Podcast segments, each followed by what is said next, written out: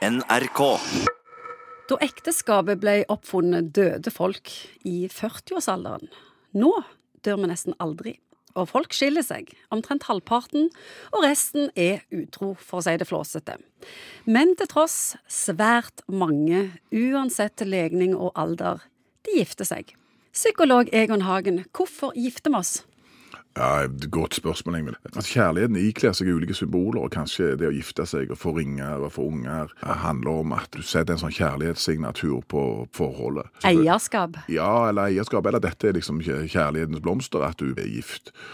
Og så er det også disse juridiske tingene om dette. Med felles barn så kan du sitte uskifta og ja, masse sånne jussgreier. Så, så fortsatt er det. At hvis det blir rusk i maskineriet, så krasjer ikke forholdet med en gang.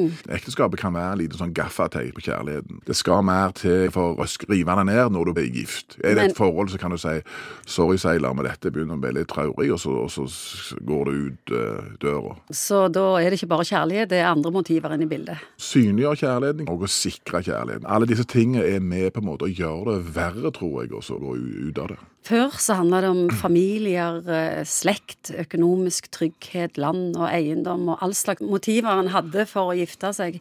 Men likevel, nå i det 20. århundret, så holder vi på. Vi holder på, og det tror jeg handler litt om at det er at vi ønsker å, vise at dette er skikkelig, og det er annerledes enn det jeg, det jeg har opplevd tidligere. Ja, signalisere et relasjonelt eller kjærlighetsmessig alvor. Men så er det òg noe med kanskje den dummeste argumentasjonen jeg har sett, og det er jo ingen som sier det sjøl, men det er liksom ønsket om Det er vel noen jenter som jeg har hatt mistanke om at det er dagen, stasen og brudekjolen og brudepiken og fotografene og det der eh, ja, Jeg har sett en del sånne litt sånn spektakulære prinsessebrylluper som ikke har vart spesielt lenge, for å si det sånn. Hva forteller det deg? Ja, Det er vel litt sånn denne den her litt eh, egosentriske virkeligheten som en lever i, hvor du ønsker å være prinsesse for en dag. Og det er klart at det er jo en litt syltynn argumentasjon for å gifte seg, for å si det litt forsiktig. Dette gjelder jo selvfølgelig et, et bitte lite unntak, og for de aller fleste så er det nok der og da et veldig sannferdig ønske om at dette skal vare inn i evigheten, og nå gjør jeg det en gang for alle. Og halvparten skiller seg, og resten sliter. Ja, For å være litt kynisk. Er det naiviteten i bildet? Ingen folk er ikke statistikere i hodet, vet du. De, selv om de vet at odds er så og så, så for at de, dette varer inn i evigheten, så tenker vel de fleste når når de går opp kirkegulvet der, at dette kommer til å vare.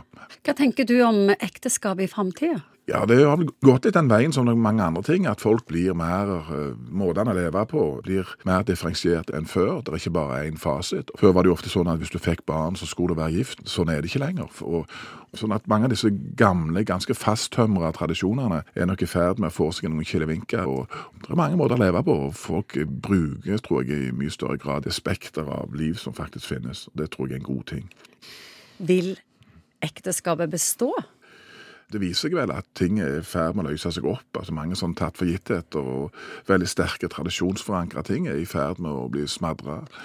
Folk velger enehusholdninger, leve alene, altså alt disse tingene her. Jeg håper å si, Hva vil jeg sjøl egentlig? Hva syns jeg sjøl om det livet jeg lever? Og hvordan kan jeg på en måte la det være styrende mer for Og hvordan- makse det ut? jeg makse det ut istedenfor å tenke at jeg må bare gå inn i et ferikt løp hvor alt ligger lina opp med mann og unger og Volvo V70 og rekkehus. og Mange begynner å få litt hette av denne forutsigbarheten der.